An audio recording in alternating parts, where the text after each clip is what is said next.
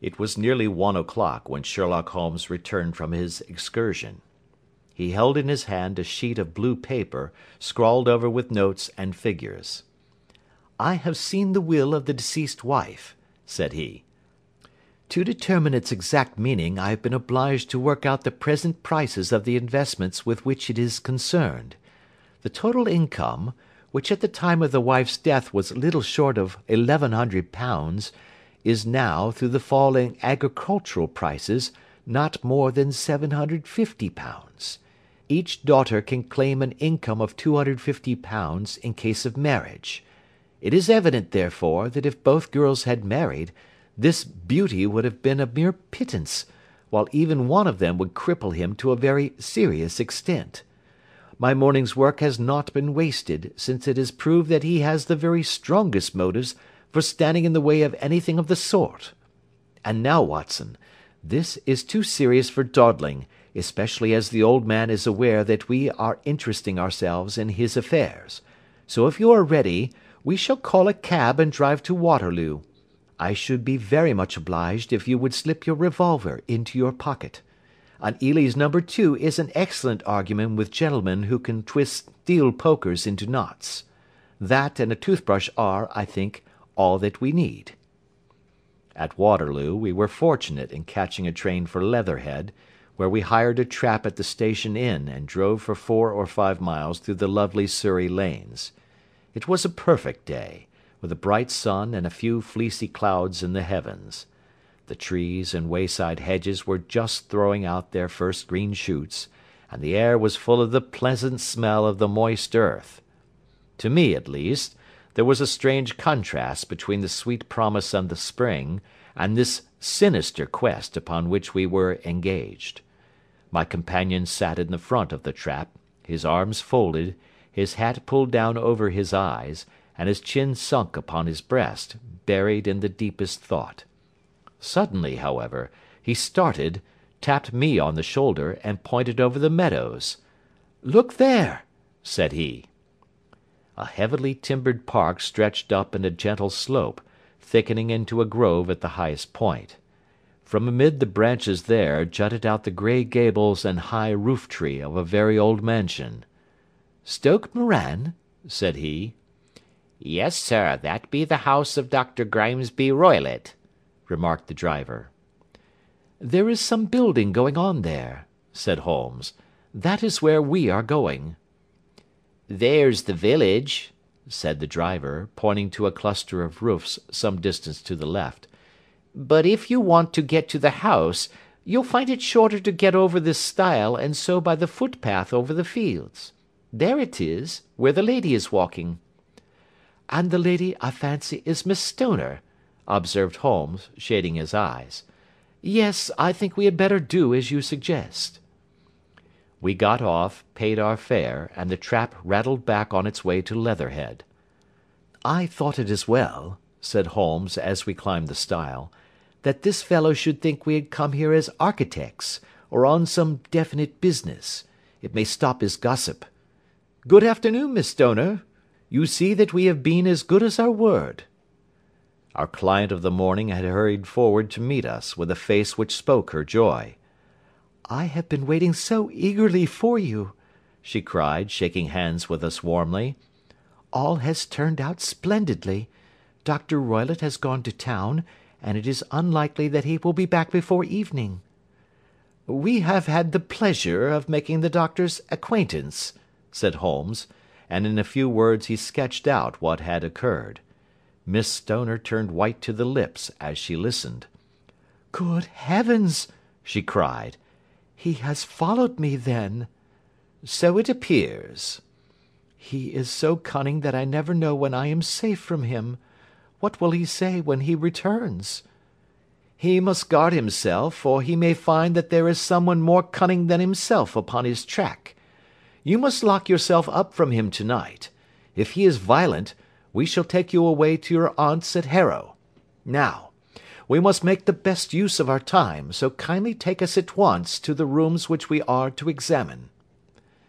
The building was of grey, lichen blotched stone, with a high central portion and two curving wings, like the claws of a crab, thrown out on each side.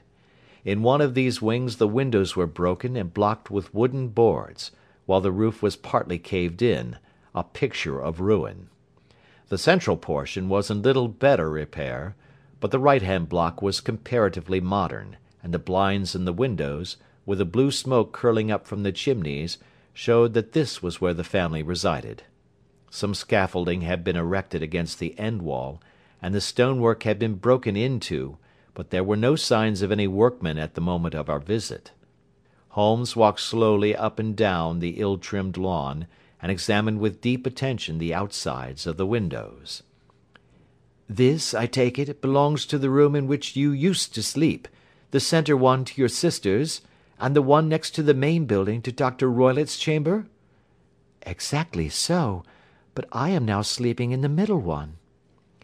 "Pending the alterations, as I understand. By the way, there does not seem to be any very pressing need for repairs at that end wall." "There were none. I believe that it was an excuse to move me from my room." "Ah! that is suggestive. Now, on the other side of this narrow wing runs the corridor from which these three rooms open. There are windows in it, of course. "Yes, but very small ones, too narrow for anyone to pass through." "As you both locked your doors at night, your rooms were unapproachable from that side.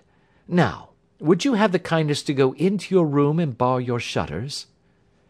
Miss Stoner did so, and Holmes, after a careful examination through the open window, endeavoured in every way to force the shutter open, but without success.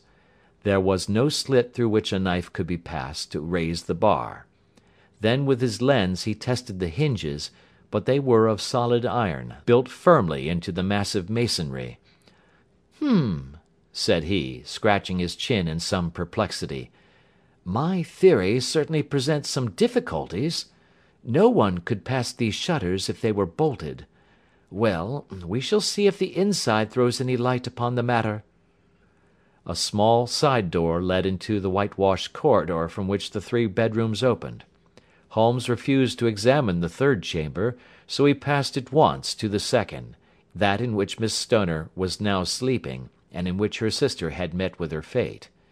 It was a homely little room, with a low ceiling and a gaping fireplace, after the fashion of old country houses.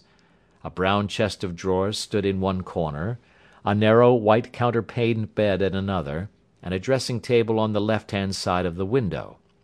These articles, with two small wickerwork chairs, made up all the furniture in the room save for a square of Wilton carpet in the centre. The boards round and the panelling of the walls were of brown, worm eaten oak, so old and discoloured that it may have dated from the original building of the house. Holmes drew one of the chairs into a corner and sat silent, while his eyes travelled round and round, and up and down, taking in every detail of the apartment. "Where does that bell communicate with?" he asked at last, pointing to a thick bell rope which hung down beside the bed, the tassel actually lying upon the pillow. "It goes to the housekeeper's room." "It looks newer than the other things?" "Yes, it was only put there a couple of years ago." "Your sister asked for it, I suppose?" "No. I never heard of her using it. We used always to get what we wanted for ourselves." "Indeed! It seemed unnecessary to put so nice a bell pull there. You will excuse me for a few minutes while I satisfy myself as to this floor."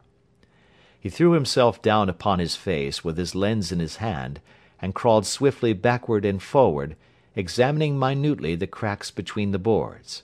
Then he did the same with the woodwork with which the chamber was panelled. Finally he walked over to the bed, and spent some time in staring at it, and in running his eye up and down the wall. Finally he took the bell rope in his hand and gave it a brisk tug. "Why, it's a dummy!"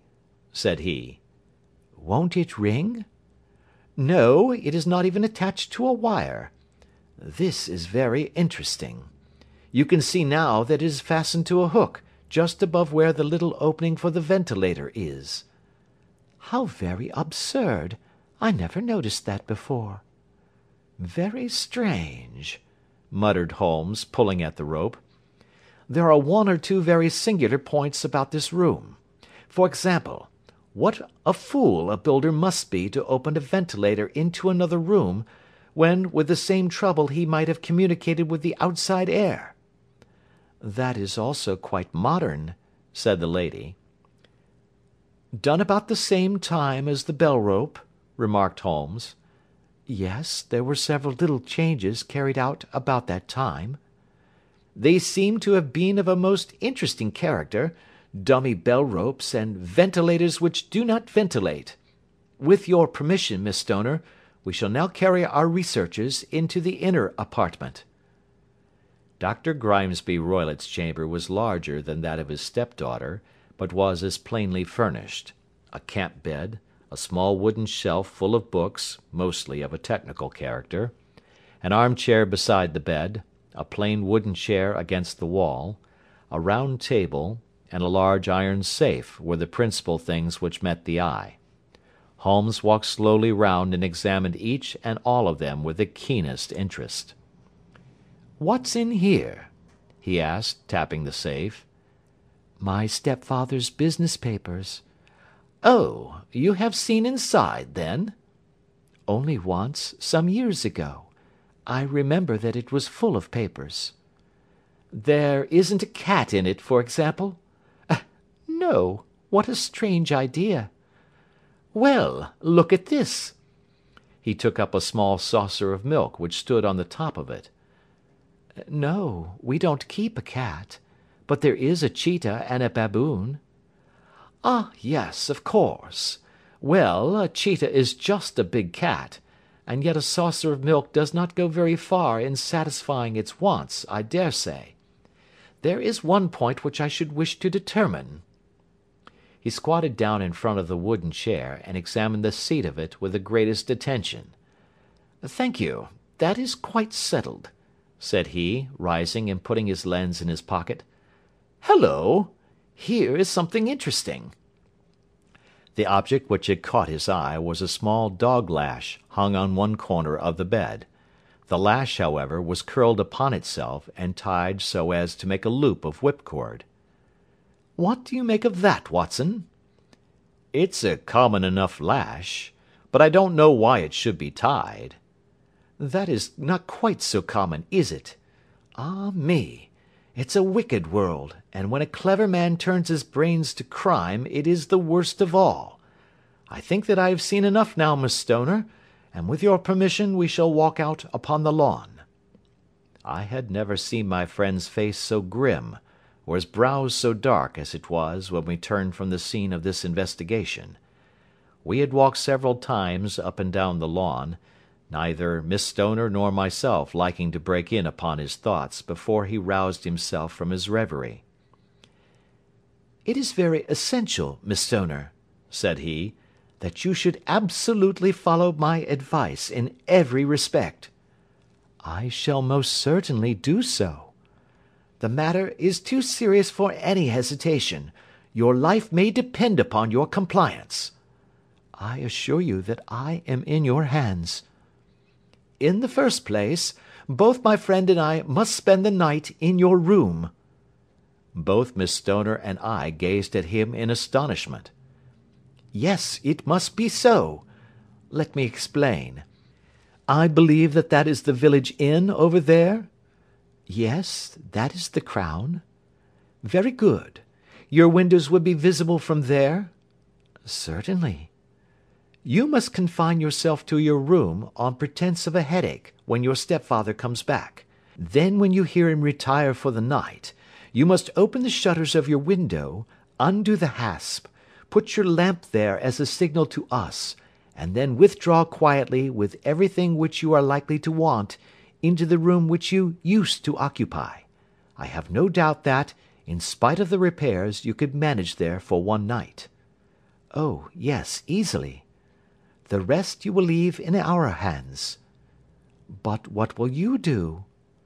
"We shall spend the night in your room, and we shall investigate the cause of this noise which has disturbed you."